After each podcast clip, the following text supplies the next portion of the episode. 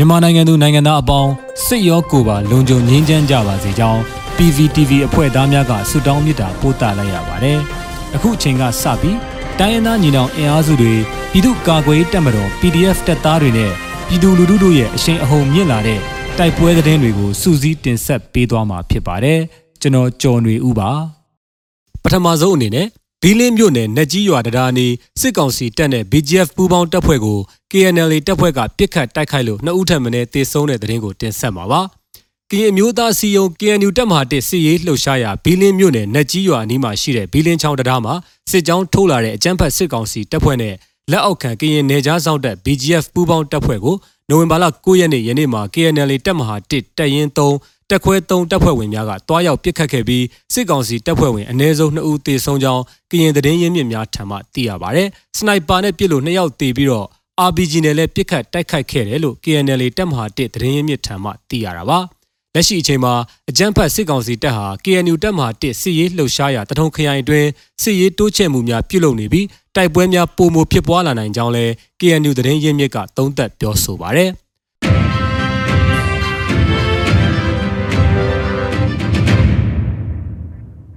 ဆက်လက်ပြီးထီးကြိုင်မှာမြို့အဝင်လုံခြုံရေးဂိတ်ကိုလက်နက်ကြီးဖြင့်ထု၍စစ်သား2ဦးသေဆုံးပြီးကံကောရဲစခန်းမှတစ်ခိုးထုတ်တဲ့ရဲတအူပစ်ခတ်ခံရကတေဆုံးတဲ့တဲ့ရင်ကိုတင်ဆက်မှာပါ။စကိုင်းတိုင်းထီးကြိုင်မြို့နယ်မှာနိုဝင်ဘာလ10ရက်နေ့ည7:50မိနစ်အချိန် ထီးကြိုင်မြို့အဝင်မောင်းတန်ဂိတ်အနီးကြော်လက်ဖက်ရည်ဆိုင်အတွင်းရှိနေကြတဲ့စစ်ကောင်စီတပ်များကိုထီးကြိုင် PDF ကဘုံပစ်လောင်ချဖြင့်ပစ်ခတ်ရာဘုံထိမှန်၍စစ်သား2ဦးသေဆုံးပြီးအများအပြားဒဏ်ရာရရှိကြောင်းထီးကြိုင်မြေပြင်ကင်းတောက်အဖွဲ့တီအာကပြောပါရယ်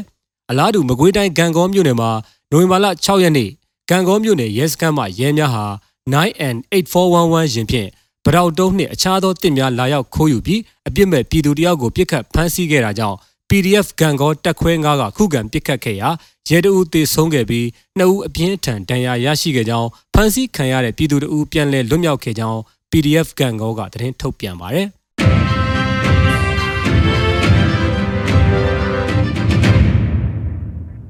ဆက်လက်တင်ဆက်မှာကတော့ပဲခူးတိုင်း PDF က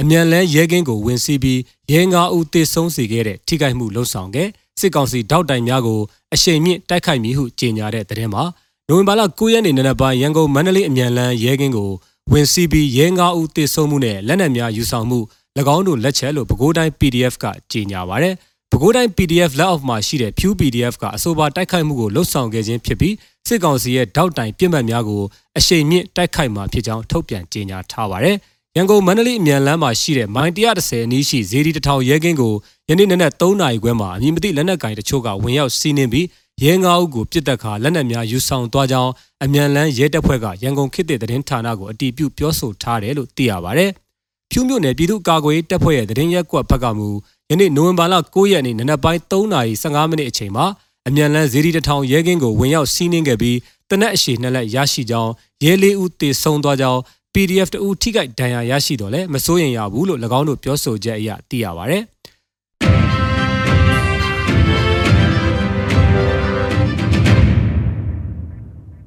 ဆက်လက်ပြီးတန်တောင်ဘောဂလီလမ်းပိုင်းမှာကင်းပုံဝစ်တဲ့စစ်ကောင်စီတပ်ဖွဲ့မိုင်းဆွဲတိုက်ခိုက်ခံရ၍စစ်သား3ဦးသေဆုံးတယ်လို့တထုံ43ညနေအမြောက်တက်လက်နက်တိုက်လဲဖောက်ခွဲခံရတဲ့တဲ့ရင်ကိုတင်ဆက်မှာပါ။ပဲခူးတိုင်းတောင်ကိုခရိုင် KNU တပ်မဟာနှစ်ထိန်းချုပ်နယ်မြေဖြစ်တဲ့တန်တောင်ဘောဂလိလမ်းပိုင်းမှာကင်းပုံးယူနေတဲ့စစ်ကောင်စီတပ်ဖွဲ့မိုင်းဆွဲတိုက်ခိုက်ခံလိုက်ရပြီးစစ်ကောင်စီဘက်က3ဦးသေဆုံးကြောင်း KNU သတင်းရင်းမြစ်ကပြောပါရယ် နိုဝင်ဘာလ10ရက်နေ့ညနေ3နာရီခွဲအချိန်တန်တောင်ဘောဂလိလမ်းပေါ်မှာရှိတဲ့ရွာနှစ်ရွာအကြားလမ်းကင်းပုံးယူနေတဲ့စစ်ကောင်စီတပ်ဖွဲ့တွေကိုအမည်မသိအဖွဲ့တစ်ဖွဲ့ကလာရောက်ပြီးမိုင်းဆွဲတိုက်ခိုက်ခဲ့ကြောင်းမိုင်းဖြင့်တိုက်ခိုက်မှုကြောင့်စစ်ကောင်စီဘက်က3ဦးသေဆုံးပြီး2ဦးထိခိုက်ဒဏ်ရာရရှိသွားခဲ့ကြောင်းသိရှိရပါတယ်။အလားတူမွန်ပြည်နယ်တထုံမြို့နယ်မှာတထုံအထူးကာကွယ်တပ်ဖွဲ့ MTHSF အဖွဲ့က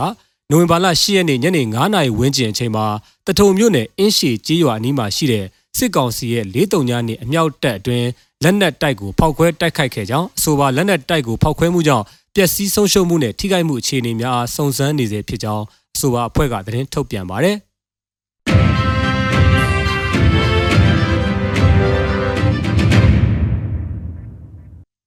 နောက်ဆုံးအနေနဲ့အမျိုးသားညီညွတ်ရေးအစိုးရပြည်ထရေးနဲ့လူဝင်မှုကြီးကြပ်ရေးဝန်ကြီးဌာနက နိုဝင်ဘာလ9ရက်ရက်စွဲနဲ့ထုတ်ပြန်တဲ့ပြည်သူခုခံတော်လှန်စစ်တရင်အချက်လက်တွေကိုတင်ဆက်ပေးသွားမှာပါ။အာနာသိန်းအကြမ်းဖက်စစ်အုပ်စုရဲ့ပြည်သူလူထုအပေါ်အကြမ်းဖက်ဖိနှိပ်ဖမ်းဆီးတိုက်ခိုက်တပ်ဖြတ်နေမှုများကိုပြည်သူလူထုတရက်လုံးကအသက်ရှင်တန်ရေးအတွက်မိမိကိုယ်ကိုမိမိခုခံကာကွယ်ပိုင်ခွင့်အရာပြည်သူခုခံစစ် People's Defensive War ကိုဆင်နွှဲလျက်ရှိပါတယ်။တရင်အချက်လက်များအရ8ရက်17လ2021ရက်နေ့မှာရန်သူစီရေးပြစ်မှတ်14နေရာအုပ်ချုပ်ရေးပြစ်မှတ်9နေရာနဲ့စီးပွားရေးပြစ်မှတ်1နေရာတို့ကိုခုခံတိုက်ခိုက်နိုင်ခဲ့ပါတယ်။ ဆီအာနာရှင်စနစ်မြမအမျိုးပေါ်ကအပြီးတိုင်ချုပ်ငင်းရေးနဲ့ Federal Democracy တိဆောက်ရေးအတွက်ငြင်းချမ်းစွာဆန္ဒပြတဲ့လူထုတပိတ်တိုက်ပွဲများကပြည်내နဲ့တိုင်းဒေသကြီးများမှာဆက်လက်ဖြစ်ပွားပေါ်ပေါက်လျက်ရှိပါတယ်။မြေပြင်မှာတော့ယခုတွေ့ရတဲ့သတင်းအချက်အလက်များထက်ပို၍ဖြစ်ပွားနိုင်ပါတယ်ခင်ဗျာ။ရေတော်ဘုံအောင်ရမည်ရေတော်ဘုံအောင်ရမည်